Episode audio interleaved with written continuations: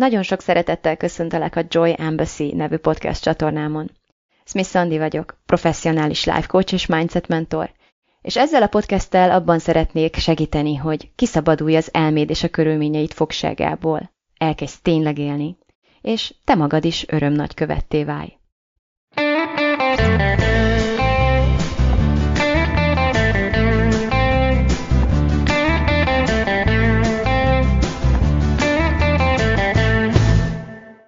Sziasztok, sok szeretettel köszöntelek benneteket. Ez itt a Joy Embassy podcast legújabb részének live felvétele a Facebookon, meg Zoomon, meg mindenhol, ahol még tudtam streamelni. A mai epizód címe az, hogy önmagunk elismerése, vagy önmagad elismerése még nem döntöttem el teljes mértékig. És uh, szeretném a legfontosabb részsel kezdeni, azzal nevezetesen, hogy uh, tartani fogok egy ingyenes workshopot, aminek kápráztasd el önmagad a címe, és három különböző időpontban is részt fogsz tudni venni ezen élőben. Uh, csütörtökön, pénteken és szombaton jövő héten. A csütörtöki alkalom délután lesz, ha jól emlékszem, 6-tól, a pénteki és a szombati az pedig délelőtt lesz. Minden részletet megpróbálok majd valamilyen módon ehhez a podcasthez is csatolni, meg a Facebook videó leíráshoz, meg függetlenül attól, hogy hol találkozol ezzel a tartalommal, most mindent meg fogok tenni, hogy azon a csatornán keresztül minél könnyebben megtaláld azt, hogy hol tudsz feliratkozni, regisztrálni ezekre az eseményekre, de egy kicsit előszobát akartam nyitni ennek a témának ezzel a mai podcasttel, ugyanis, hát igen, rájöttem arra, hogy szeretnék arról beszélni, hogy amellett, hogy mindenki másnak az elismeréséért küzdünk, vagy ha nem is veszük észre, hogy mindenki másért, mindenki másnak próbálunk megfelelni, de mindannyiunk életében van egy-két jelentős személy, vagy akár több is, akinek a véleménye nagyon sokat számít nekünk, nagyon, nagyon sokat nyom alatba, hogy így fogalmazzak akire így mindig kikacsintunk, hogy ő vajon mit gondol, mit szól, lát-e most, várjuk a visszajelzését. Nagyon sokszor ez a személy már nem is feltétlenül van életben, nincs is feltétlenül életben már, mégis újra és újra visszagondolunk arra, hogy ő vajon látott-e most, vagy ő vajon mit gondol, mit gondol arról, amit most csináltam, amit most teszek. És azt veszem észre szakemberként is, meg a saját személyes életemben, hogy ennél jelentősen kevesebb szert tesszük fel azt a kérdést, hogy tulajdonképpen a saját elismerésünket mivel tudnánk kivívni. Tulajdonképpen uh, mi az, ami, ami a saját értékrendünk szerint um, kívánatos, vagy pozitív, vagy elérendő cél, vagy olyan dolog, ami, ami miatt uh, borzasztóan büszkék lennénk, vagy lehetnénk magunkra. És uh, amióta elkezdtem fordítani egy picit ezen, beletettem azt a tudatos csavart, hogy nem, nem, nem, már pedig én um, nem csak, hogy sokat gondolkodom arról, hogy mi az, ami engem személyesen büszkévé tesz, hanem aktívan teszek is azért, hogy az életemet e szerint éljem, azóta nagyon-nagyon pozitív elmozdulást és változásokat tapasztalok. Ez az a rész, ez az a gyakorlati rész lesz, amit majd a workshopban jövő héten, ezen az ingyenes workshopon fogok megmutatni nektek, vagy bevonni benneteket, megmutatok ilyen gyakorlatokat, meg együtt gondolkodhatunk erről, és ez barom izgalmas. Ugyanakkor rájöttem arra, hogy teljesen mindegy, hogy mit csinálsz az életedben, hogy hány sikert halmozol, hány már meglévő sikerre, és uh, hogyan produkálod magadat, és mennyire parádés az, ahogyan te felkelsz, élsz, mozogsz, megnyilvánulsz az Instagramon, vagy tényleg akármit is csinálsz, hogyha nem tudod elismerni önmagadat, nem tudod elismerni a saját eredményeidet, akkor tulajdonképpen mi a francért csináljuk ezt az egészet. No, és ezért akartam nyitni egy ilyen előszobát. Azt szeretném, hogy ma erről beszéljünk. Arról a képességünkről, és arról a a gyakorlatról, arról a tudatosan felvállalt, célként kitűzött gyakorlatról beszéljünk ma, hogy odafigyelünk arra, hogy mennyi mindent csinálunk tulajdonképpen egy nap önmagunkért, másokért, ami jó, ami alapvetően jó, és, és megbecsülésre, vagy értékelésre méltó, vagy tiszteletre méltó. És azt vettem észre, belecsúsztam abba a paradoxonba, hogy valahogyan sokkal könnyebben közelítünk saját magunkhoz, a saját érzéseinkhez, valamilyen külső szereplő bevonásával. Tehát minthogyha mint hogyha szükségünk lenne, mintha azt hinnénk, hogy szükségünk van egy, egy másik személyre, valakire, aki nem mi vagyunk, hogy kapjunk tőle megerősítést, hogy az, ami, amit csináltunk, hogy az, amik vagyunk, az valóban jó, valóban értékes. És ezt könnyen tudjuk magyarázni a gyerekkorunkkal egyébként, mert hiszen a gyerekkorunkban ö, nem egyrészt születünk egy ilyen alapvető érzelmi szükséglettel, hogy szeretnénk fontosnak, hasznosnak, értékesnek, szerethetőnek, kompetensnek érezni magunkat, tehát ez egy ilyen alapvető emberi ösztön, vagy alapvető igény, és másrészt gyerekkorban ezt, ezt leginkább a szüleinktől, vagy a környezetünktől kapjuk meg ilyen pozitív, vagy akár negatív megerősítés formájában, és így is, meg úgy is a, a dopamin, tehát az agy jutalmazási rendszerén keresztül, ezen a dopamin adagoláson keresztül éri el azt a hatását, hogy az agyunkban lenyomat képződik arról, hogy már pedig, ha minket ünnepelnek, ha nekünk tapsikolnak, ha nekünk megsimogatják kis fejünket, hogy jaj, ügyes voltál, pici Annika, akkor az dopamin, dopamin, dopamin jó érzés. Nem tudom, régen játszottatok-e, vagy akár most, most hallom, hogy mostanában is népszerű ez a Sims nevű játék, én kamaszként nagyon rá voltam cuppanva, és ott is a kis Simsnek, akik ilyen karakterek, akikbe kell azonosulunk, és éljük az életüket, és veszünk nekik, tudom, kávézóasztalt, azok, azok, amikor valami jó dolog történik velük, ilyen kis pluszjelek jelennek meg a fejük fölött, és nagyon cukik. Tehát, ha gyakorolnak, akkor is ilyen gyakorló pluszjelek, sok-sok pluszjel, meg nem akkor egy ilyen, egy ilyen töltsérben, egy ilyen kémcsőszerű dologban így hú, növekedik a, a skill állása, hogy, hogy mennyire, mennyire fejlett már nála ez a képesség, ez a, ez a skill, és hát szeretem ezeket a képeket így behozni a mindennapi életembe, hogy valóban a dopaminnal is így vagyok, hogy csináltam valami ügyeset, és amikor uh, valaki engem ezért megdicsér, vagy észrevette, vagy ilyesmi, akkor érzem, hogy mint a kis Sims lennék, plusz, plusz, plusz jelennek meg a kis dopamin pluszok, nem tudom, mi a vegyele, meg kéne tanulnom, de azok így elkezdenek így gyülekezni a fejem felett, és akkor eláraszt engem ez a jó érzés. Márpedig agyszinten mi arra vagyunk idomítva, hogy ami jó érzéssel tölt el, az olyan lenyomatokat képez az agyunkba, hogy azt ismételjük, az kívánatos, az jót tesz. A dopamin a túlélő rendszerünket stimulálja olyan módon, hogyha valamiért dopamin kapunk, akkor az agy ezt fontosnak tulajdonítja a túlélésünk szempontjából.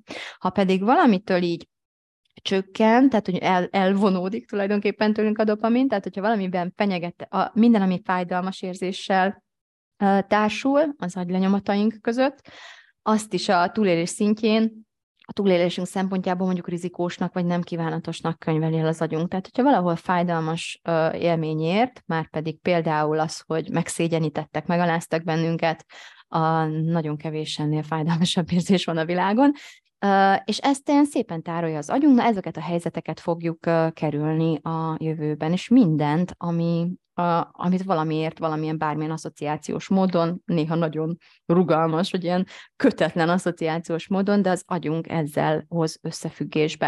Tehát néha tényleg egy viselkedésnek semmi köze nincs ahhoz az egykori szituációhoz, ahol, um, ahol engem megszégyenítettek, vagy szégyent éltem át, vagy megalázottságot, de az agy nagyon alóan átugorja a különbségeket, és szeret ilyen ismerős uh, helyzeteket teremteni, és akkor azon kapjuk magunkat, hogy uh, rengeteg dolgot teszünk a mindennapi életünkben, azért, hogy, hogy, hogy valaki kívülről ezt lássa, megveregesse a vállunkat, megsimogassa a kis fejünket, és akár ezen a ponton meg is állok egy pár percig, másodpercig, annak is örülnék, hogyha interaktív lenne, és írnátok egy pár dolgot, hogy nálatok ez, tehát hogy egy dolog, az első, ami eszedbe jut, amit azért csináltál, vagy ahol, ahol vártad azt, hogy, hogy kapjál ezért valamiféle, uh, valamiféle elismerést.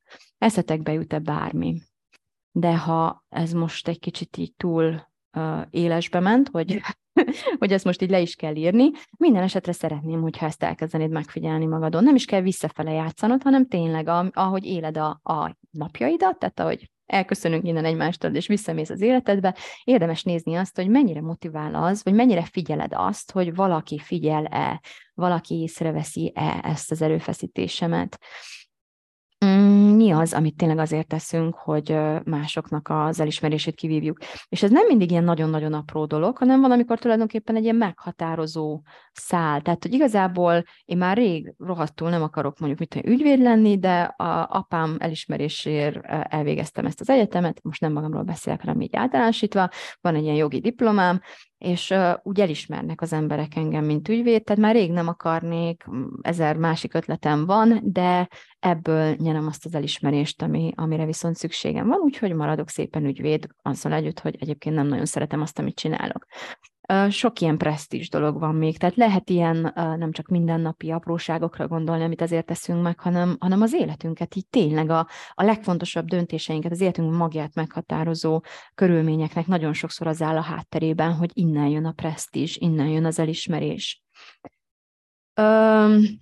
Én azon gondolkodtam el ezen a ponton, hogy vannak ugyebár ezek a, azért állandósítottam egyfajta életformát, mert emiatt hozzám felém sok elismerés áramlik, de vannak ilyen kimagasló egyszeri teljesítmények is, vagy nem feltétlenül egyszeriek, de mit tudom én, én egy sportoló vagyok, most ezt nyertem meg, most azt nyertem meg, egy idő után már valahogy így normalizálódik szerintem, én azt vettem észre legalábbis én sportoló koromban, hogy ja, már megint voltál, ja, már megint nyertél, tehát hogy így így csökken ez alatt, tehát hogy így valahogy apad az elsőnél, még nagyon ünnepelik az embert, hogy atya úristen, de például a Katinkánál is, hogy ja, már megint olimpia, már megint uh, öt arany. Tehát, hogy így örülünk neki, persze, de amikor már a huszadik és összességében a századik, akkor valahogy így az inger küszöb legalábbis így kívül egy picit így csökken, ma a saját inger küszöbünkről nem is beszélve, de minden esetre ezt a két dolgot vettem észre, amivel azért így meg szokták így jegyezni, hogy az igen, az egyik az, hogyha az életünk magában, tehát így a, tudunk mutatni egy olyan képet, ami ilyen presztiskeltő, és a másik az, amikor van egy ilyen kiugró teljesítményünk, amit így látnak az emberek, és no, az igen.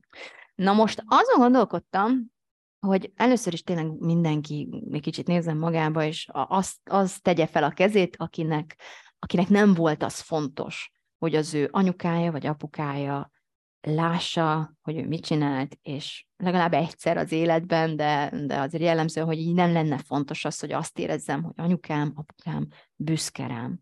Az azt tartsa fenn a kezét, szerintem nem sok kéz maradna a magasban, hogyha ez most egy ilyen teleterem volna, vagy ha igen, akkor akkor ott megvizsgálnám azt, hogy mi lehet e mögött.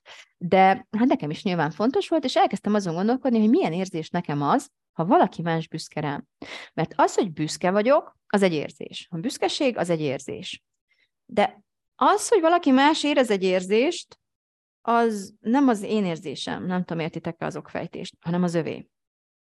Tehát nekem valamiért fontos kell az legyen, és lerövidítem, megkönnyítem egy picit, valószínűleg én is átélek egy érzést azon keresztül, hogy azt tudom gondolni és mondani magamnak, hogy mi ez a másik ember büszke rám hogy mi ezt a másik embert most így ámulatba ejtettem.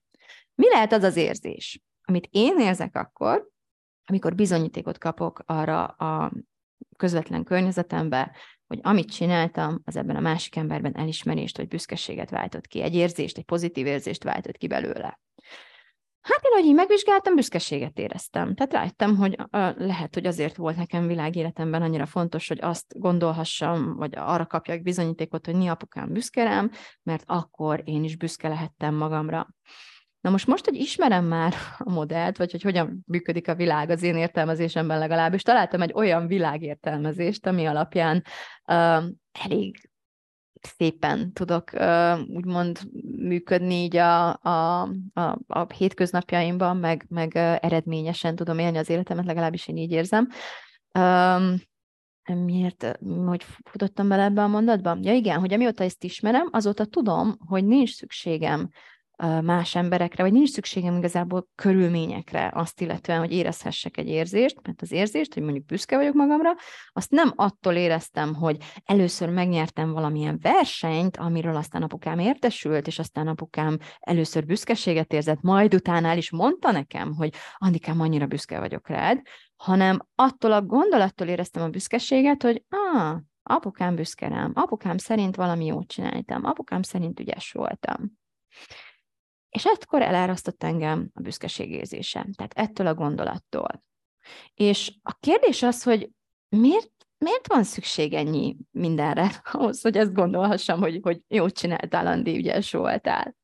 Nem lehet, hogy nem muszáj ilyen nagyon-nagyon nehéz, körülményes, szövevényes fárasztóköröket uh, róni, és mindenképpen bevonni egy ilyen közvetítő embert, egy külső nézőpontot, azért, hogy én azt gondolhassam, amit amúgy is gondolhatnék, hogy csináltam valamit, és elégedett vagyok ezzel, vagy hm, ez szép munka volt, vagy hogyha nem is maga munka, vagy nem tudom az eredményt felmérni, de az biztos, hogy nekem nehéz volt ezt megtennem, tehát az erőfeszítésemet elismerni, amit beleraktam vagy a kitartásomat, vagy az ötletemet, vagy az akármi csodámat, de hogy valamit elismerjek abból, amit csináltam, azt szeretnék, amellett szeretnék érvelni, hogy ehhez nincsen szükségem másokra, vagy másoknak a tapsikolására.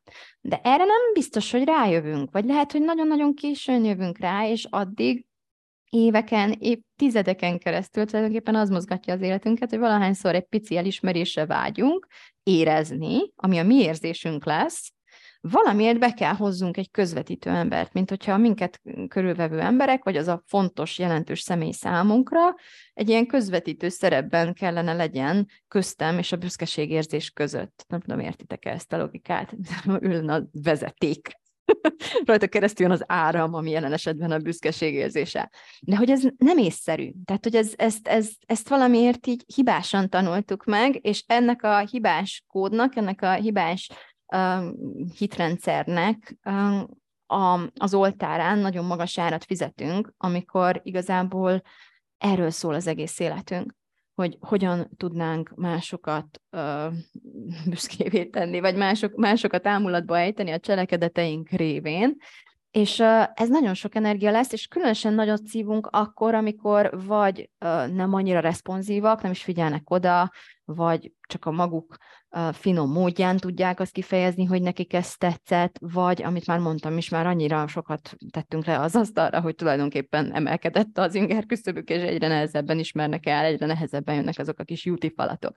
Na, tehát először is azt amellett szeretnék érni, hogy igazából erre semmi szükség nincs. Ha büszke akarsz lenni magadra, akkor nem kell előtte valaki mást is büszkévé tenned, átugorhatod ezt a részt, és elkezdhetsz oda menni, hogy te miket mondasz magadnak, amitől um, esetleg büszke is lehetnél magadra, de jellemzően ilyenkor jövünk rá, hogy Úristen, miközben kívülről várjuk az elismerést, miközben kívülről várjuk a támogatást, magunkat jellemzően csak bántjuk, magunkat jellemzően csak kritizáljuk, a magunk teljesítményében jellemzően csak a rosszat látjuk meg, a hibát vesszük észre, vagy azt az egy kicsi hibát ilyen százszorosára nagyítjuk, és mindent, amit jól csináltunk, nagyvonalúan átugorjuk, és ez zajlik a mi fejünkben és mindenki mástól várjuk, hogy ők bezzeg, vagy ők viszont szebben bánjanak velünk, ők viszont uh, kevésbé legyenek gonoszak, kritikusak, stb. stb. No, és ez az a fajta munka, vagy ez az a fajta felismerés, ami um, az én világomban, amiben így meghívlak benneteket újra és újra a programjaimon keresztül, ez, ez felszámolni való.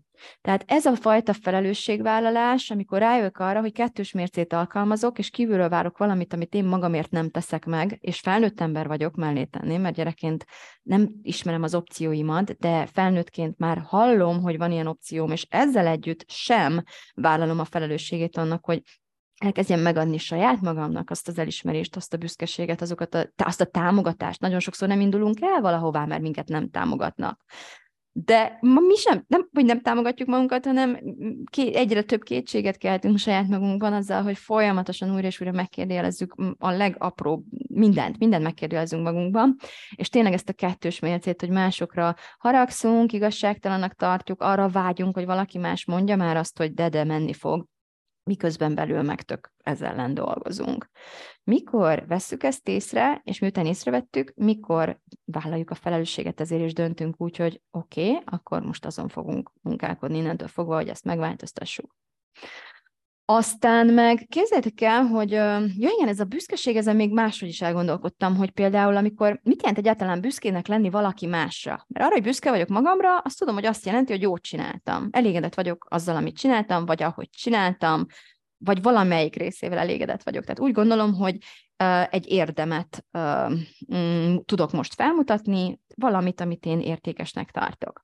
De amikor másra vagyok büszke, az mit jelent, hogyha egy kicsit is megvizsgáljuk? Én arra jutottam, hogy azt jelenti, hogy másnak az érdemét valahogyan magamra vonatkoztatom. ez így kimondva már egyből nem hangzik ugyan, olyan szépen, ugye? De, de tényleg, tehát, hogy valahogyan magamat összefüggésbe hozom azzal, hogy valaki más a világban csinált valamit, ami jó. Valami érdemlegeset. Értitek? Tehát büszke vagyok azért, mert magyar vagyok, mert mit a gyufa. Van a gyufa, és akkor itt én, mert én is magyar vagyok, meg értitek, aki a gyufát, az is magyar. Szóval, hogy mi van? Tehát, hogy, hogy meg hogy nyert az olimpián, és akkor én, ő edzett, ő kelt fel hajnalban, ő taposták ki szegényből a szart is, meg ő is saját magából, ő teljesített emberfeletti módon, de mivel ő is magyar, meg én is magyar vagyok, ez az erővel azért is büszke lehetnék rá, mert ő is ember. Tehát ha ő is emberi lényként tudott ilyet csinálni, akkor mi, én is büszke vagyok, mert én is ember vagyok. Tehát lehet, uh, tényleg teljesen a gondolataink alapján döntjük azt el, hogy uh, hol vállaljuk azt a sorsközösséget valakivel, aminek kapcsán már valahogyan mi is úgy osztozunk az ő sikerében, meg az ő érdemében. Szóval, ha megnézzük arra az oldalról, hogy én valakire büszke vagyok, másra, akkor így már nem hangzik annyira pozitívnak, és ezt most nem azért mondom, hogy bárki is szégyenkezzen, aki valaki másra, vagy valaki másért büszke igazából önmagára, vagy másra büszke, de tulajdonképpen mire vagyunk tényleg büszkék. Tehát az elismerés és a büszkeség, tehát elismerhetném azt, hogy a gyermekem nézzétek milyen ügyes, de ha büszke vagyok rá, akkor ott már arra vagyok büszke, hogy az én gyermekem. Hogyha más gyermeke lenne, akkor csak simán mondjuk elismerném valószínűleg, de nem tenném mellé a büszkeség faktort. Tehát a büszkeség, mert én szültem, mert én neveltem, mert ő kime, és most látja a világ, hogy ilyen gyereket neveltem én ez, ez van számomra a büszkeség mögött, persze ezzel nyugodtan lehet vitatkozni, hogyha szeretnétek, de azt gondolom, hogy valamennyire mégiscsak elgondolkodtató, és mégis ezt akarjuk így kipiszkálni az emberekből, hogy mi mit csináltunk valamit, és ő valahogyan vonatkoztassa magára azt, amit csináltunk. Na most ez még nagyobb szopás akkor, amikor megnézzük az ellenkezőjét. Mert megnéztem ezt az egész történetet onnan is, ahol a büszkeség, meg az önmagam elismerése, a, a, a, tehát a büszkeség érzésének a Fordítottja, az lássuk be, a szégyen. És ez ugyan annyira jellemző, sőt, azt veszem észre, különösen szakemberként nap mint nap, hogy ez egy sokkal erősebb mozgatórugója az emberi viselkedésnek, a szégyen elkerülése, mint az elismerés kivívása. Tehát, hogyha választani kell, hogy azért csinálok-e valamit, hogy ünnepeljenek, parádéztassanak engem, és tehát, hogy megkockáztatnom kellene, hogy esetleg nem sikerül, és szégyenkezni fogok, én szégyentélek át mások rajtam, ó, apám, a családom szégyene leszek, hát el tudtak képzelni ennél borzalmasabb dolgot. Tehát, hogy ez olyan szinten korlátozó és visszatartó, hogy jellemzően inkább nem is nagyon csinálunk semmit, tehát ennek az lesz az eredménye, hogy inkább bujkálunk tulajdonképpen az életünkben, inkább nem kockáztatjuk meg azt, hogy jaj, csak nehogy szégyenkezni kelljen. Kevésbé lesz fontos az, hogy káprázatos legyen és parádés, amit csinálunk, mint az, hogy jaj, csak nehogy szégyen teljes legyen. Márpedig aki csinál valamit, bármit is legyen, bármi is legyen az, tehát az agyat tudja azt, hogy akármit is csinálsz, azzal megkockáztatod azt, hogy esetleg majd nem sikerül, majd felsülsz, majd látják, majd ciki lesz.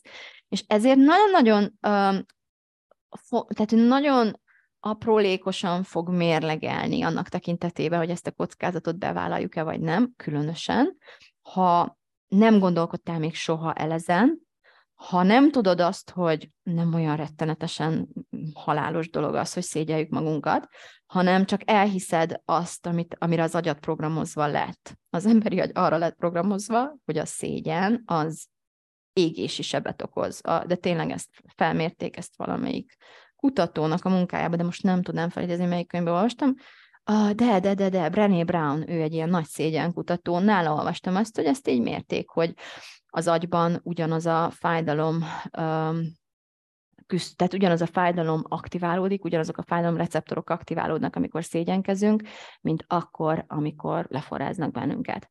Tehát, hogyha te ezt az agyadra bízod, hogy veszélyese szégyelnem magam, vagy nem, a túlélésem szempontjából, az agyad szerint bele fogsz halni. És ezért ez olyan szinten korlátozó tud lenni, hogy mindig megfontoljuk, mielőtt csinálunk valamit, hogy fennáll-e a felsülés, a szégyenérzet veszélye. Na most ki milyen közegben ö, nőtt fel, vagy született, vagy ki milyen közegben mozog, ki, ki mire, ö, tehát hogy ki, milyen hatások értek azt illetően, hogy mennyire biztonságos vagy veszélyes ez a szégyen dolog, ez azért eltérő, de nagyon érdemes megvizsgálni a te életedben, hogy miben korlátoz ez téged. Mennyi minden nem csinálsz azért, mert nem akarod megkockáztatni, hogy aztán cikibe kerülj. Mennyi minden nem csinálsz azért, mert nem akarod megkockáztatni azt, hogy esetleg az mások mit fognak gondolni, nem csak rólad, mert hogy egy idegen mit gondol rólunk, ez egy dolog, de hogy mit fog gondolni anyukám, vagy milyen lesz anyukámnak tudni arról, hogy én ezt így, és az egész világ megtudja, ezek nagyon-nagyon különböző gondolatok. Különösen azoknak, akik mondjuk hozzám hasonlóan is így az arcukkal, meg a hangjukkal, meg a gondolataikkal így kiállnak a világ elé, ez, ez egy ez egy komfortzóna átlépés minden esetben, és érdemes megnézni, hogy meddig megyünk el, mi az, amit már nem osztunk meg, nem magunk miatt, nem feltétlenül azért, mert szerintünk ciki, hanem azt gondoljuk, hogy esetleg a másik ember cikinek tartaná, vagy esetleg az ő helyzetében lenne az ciki, hogyha ez így elhangzana. Tehát ő ugyanez a kapcsolatot teremtene a között, hogy én vagyok az ő gyereke, és akkor róla mit fognak gondolni, és akkor ő majd szégyenkezni fog. Tehát, hogy emlékeztek, ha apukám büszke rám, akkor én büszkeséget érzek, de ha apukám vagy anyukám szégyeli magát, miattam úgymond, akkor én is szégyenkezem, tehát el kell kerülnöm. Szóval uh, fontos kérdés tényleg az, hogy mit nem teszel meg azért, hogy jaj, csak nehogy rosszat gondoljanak rólad. Ezen gondolkodj el. Aztán um, az, ezt át lehet úgy is fordítani, hogy mi mindent csinálnál akkor, hogyha nem tartanál attól.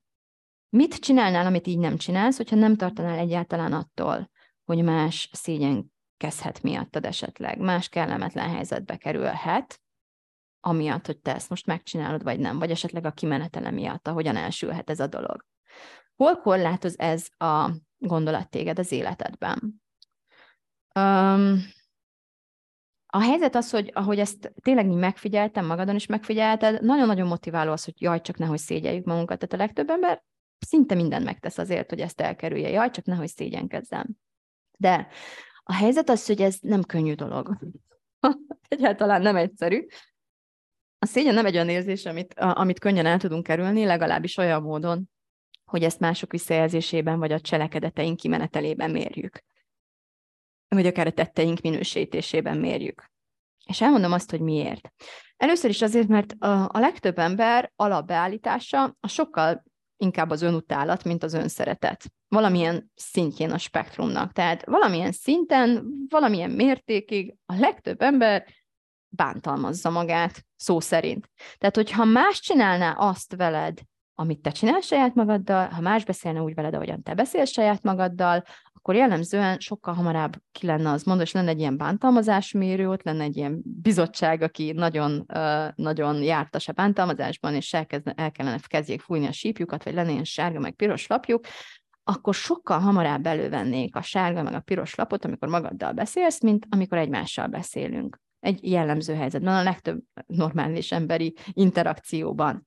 Ami egy normális emberi interakcióba nem fér bele, mert azonnal határt szabnál, vagy elhatárolódnál, azt a fejedben simán eltűröd a legtöbb esetben, ez a tapasztalatom ha te mentes vagy ettől, vagy már mentes vagy ettől, akkor gratulálok. Tehát tényleg ez, ez, ez, a, ez a kivétel, vagy nem is feltétlenül ez a kivétel, aki, tehát ezzel nem feltétlenül születünk, van, aki talán annyi pozitív.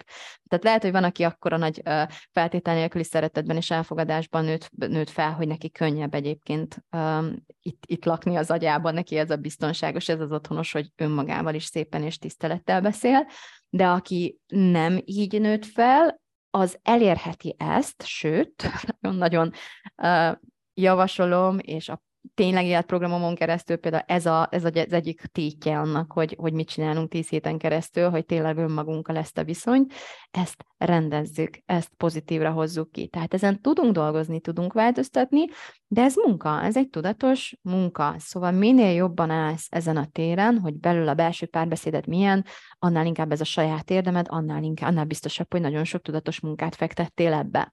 De az alap, amivel a legtöbben nem születünk, mert születni nem ezzel születünk, de amit így kapunk, hozunk magunkkal, akár a családból, akár a, tehát a, a korai szocializáció alapján az iskola rendszerünk, az egész minden, amiben felnövünk, ahogyan, ami hat ránk, azt szokta elérni, hogy ez a default setting, ez az alapbeállítás, ez alapvetően egy durván brit, kritikus, durván bántalmazó belső párbeszédet eredményez. Nagyon nehéz olyat csinálnom egy ilyen belső bántalmazóval, amivel nem, hogy a saját elismerésemet kivívom, de legalább nem cseszegetem magam minden pillanatban, minden hülyeségért. És hogyha éppen nem csináltam semmi rosszat, akkor nem veszem elő azt, amit a múltkor csináltam, vagy nem kezdem el riogatni magam azzal, amit még el se követtem, de majd a jövőben biztosan fogok. Miért? Mert így állt, így épült fel, így kondicionálódott a gondolkodásom. De mit csinálok, mit próbálok csinálni, tehát emiatt folyamatosan szégyenkezem, de ezt a tetteimmel, vagy a tetteim korlátozásával próbálom elkerülni, vagy mások visszajelzéséből próbálom, vagy azzal próbálom egy picit enyhíteni, csitítani. Nagyon-nagyon-nagyon fárasztó, tök felesleges, nagyon olyan tragikus ez az egész, főleg egy kívülről szakemberként megnézni, hogy mennyire nagy, nagy fájdalommal jár ez a probléma, ez egy valós probléma, de mennyire nem ö, a, ott kezeljük, vagy nem ott vesszük észre, hogy mi okozza ezt a problémát, ahol tulajdonképpen van ez a probléma, és hogy mennyire nem a valóságos problémát kezeljük, de még a tünetet sem ebben az esetben. Szóval ez az egyik oka, miért nehéz megszabadulni a szégyentől. A másik pedig az, amit már említettem, hogy mások szégyenérzetét is ugyebár magunkra vesszük. Hát valamiért, valahogyan megtaláljuk ezt a kapcsolatot, hogy az, hogy én valamit elbasztam, bocsánat a kifejezésért, az másnak miért szívás, és akkor még rosszabbul érzem magam azért, mert neki az rossz, hogy én. Tehát, hogy, hogy valahogyan úgy össze tudjuk kötni magunkat másokkal, hogy, hogy nem csak akkor vagyok büszke magamra egy picit talán, hogyha ő büszke rám, de akkor meg aztán fullba szégyellem magam, hogyha látom az arcán, hogy ő engem megvet most, vagy, vagy, vagy akár tényleg szégyent élet a saját gondolataim miatt értelmszerűen, de a, annak kapcsán, hogy én mit csináltam, mit követtem el, úgymond. És a másik meg az, hogy egyszerűen nincs benne a programunkba, sőt, inkább pejoratív, inkább a negatív, tehát ilyen negatív tapasztalataink vannak azzal, aki beszél a saját érdemeiről. Tehát arra lettünk tanítva, hogy legyünk szerények, ne vágjunk fel, ne dicsekedjünk, arra vagyunk tanítva, hogy a saját érdemeinket se tekintsük a saját érdemeinknek, hanem mindig legyünk hálásak mindenért, a levegőért, amit ezt tüdőnkbe tudtunk szívni, ahhoz, hogy el tudjuk futni ezt a világ bajnoki, nem tudom, hogy hívják ezt, rekord, rekordfutást, az nem az én érdemem, hanem az anyukámi, az edzőmi, a levegője, ami beáramlott a, tüde, a tüdőmbe, mindenki, csak az enyém nem. Tehát akkor vagyunk szépek, jók, ügyesek, szerethetők, hogyha annyira, annyira szerények vagyunk, és annyira uh, mindent kérek, és mindenért hálásak, hogy igazából csak magunknak nem. Mert amint magunknak is azok vagyunk, az már nem oké. Okay. Az már dicsekvés, az már az már, az már mi. Tehát az már ilyen visszatetszést kelt. Egyszerűen nem csak, hogy kívülről szokatlan, amikor valakit hallunk felsorolni, halljuk felsorolni a saját érdemeit, vagy melyik rapper volt az, aki úgy vette át a díját, hogy szeretném megköszönni magamnak elsősorban, mekkora egyrészt faszaság ez már, lássuk be, és másrészt meg mekkora felháborodást, vagy ilyen felhördülést, vagy ilyen visszatetszést kell. Tehát mit gondolnak a legtöbb ember, nézed már milyen arrogáns a másik, vagy milyen, hogy el van magától. De én meg szakemberként azt kívánom, hogy bárcsak többen ellennénk magunktól, vagy többen jobban ellennénk egy kicsit magunktól, mert bezzeg ennek az ellenkezőjét, azt meg nem tartjuk rossznak, sőt, azt ünnepeljük, azt, hogy utálja magát, azt, hogy mindenkinek köszönetet mond, de a saját erőfeszítését egy pillanatig sem uh, hozza be a felsorolásba, vagy, vagy tényleg az mi? Ez most komolyan mi? Gondoljatok már bele egy picit.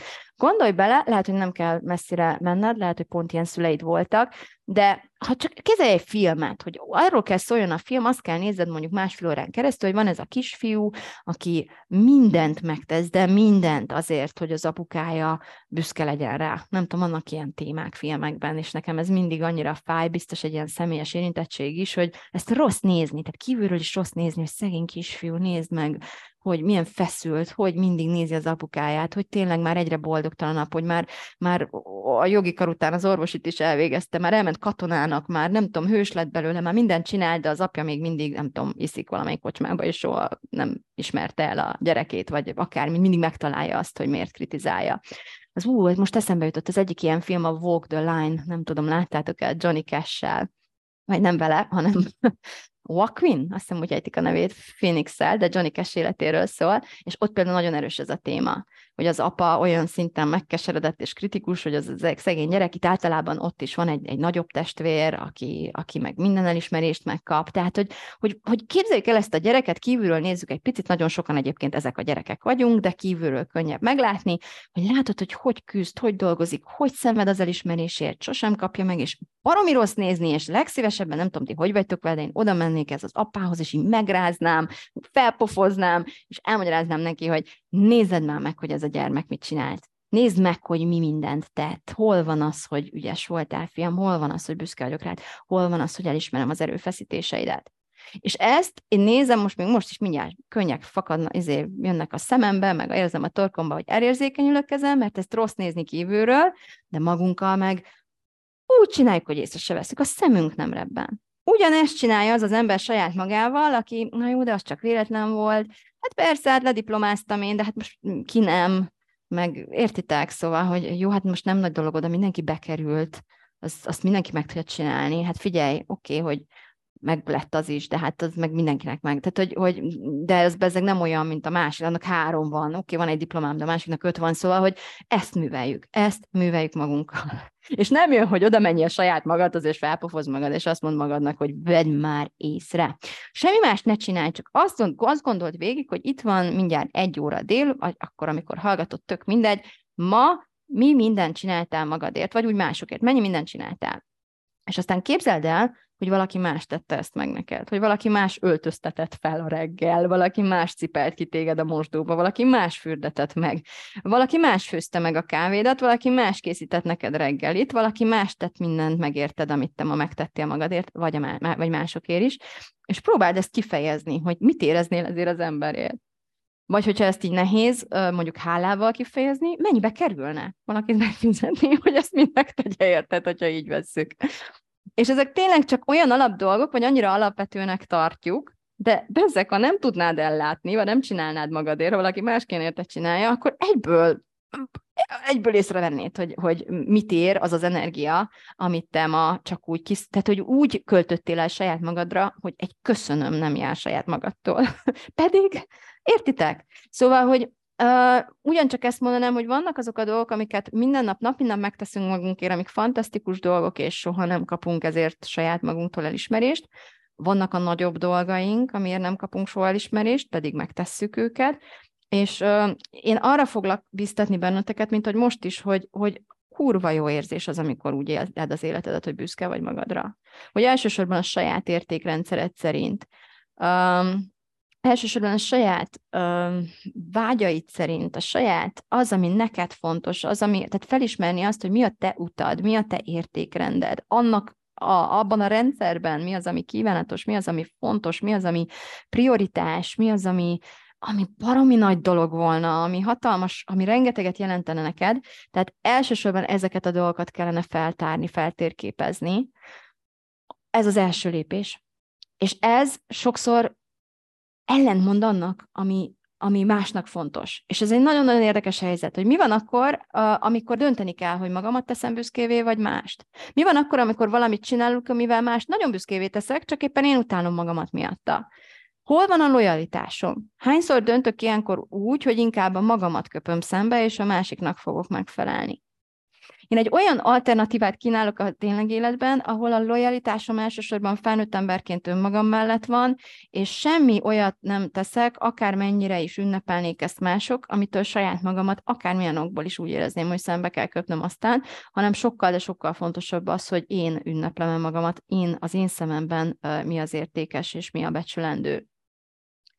És uh, uh, ilyen értelemben szeretném azt javasolni, és ez lesz a következő uh, hetünk témája, meg ez lesz ennek az ingyenes workshopnak a tétje is, remélem, hogy nagyon sokan jöttök. Egyébként nagyon hálás lennék, ha szólnátok erről a lehetőségnek, egy, uh, erről a lehetőségről egymásnak is, tehát megosztanátok ezt a podcastet, vagy szólnátok az ismerőseiteknek, stb. stb., mert nagyon-nagyon jó lesz. És ezt, ezt, ezt lenne érdemes feltérképezni. Milyen az az élet, ahol te tisztában vagy azzal, hogy neked mi a fontos, számodra mi a jó, és ebben nem kötsz kompromisszumot. Soha nem lesz az fontosabb, hogy a szomszédnéninek, vagy a főnöködnek, vagy anyukádnak, vagy apukádnak mi az, ami tetszetős, ami kívánatos, ami miatt ő az ő szívét büszkeség tölteni el, hogyha az nem egyezik azzal, ami a te értékrendszeredben is szerepel. És hogyha priorizálni kell, akkor a tiéd van első helyen. Milyen lenne ez az élet? Mit követelne tőled? Mit kellene csinálnod? Ez az első, hogy ezt felismerjük. A második lépés az, hogy csináljuk.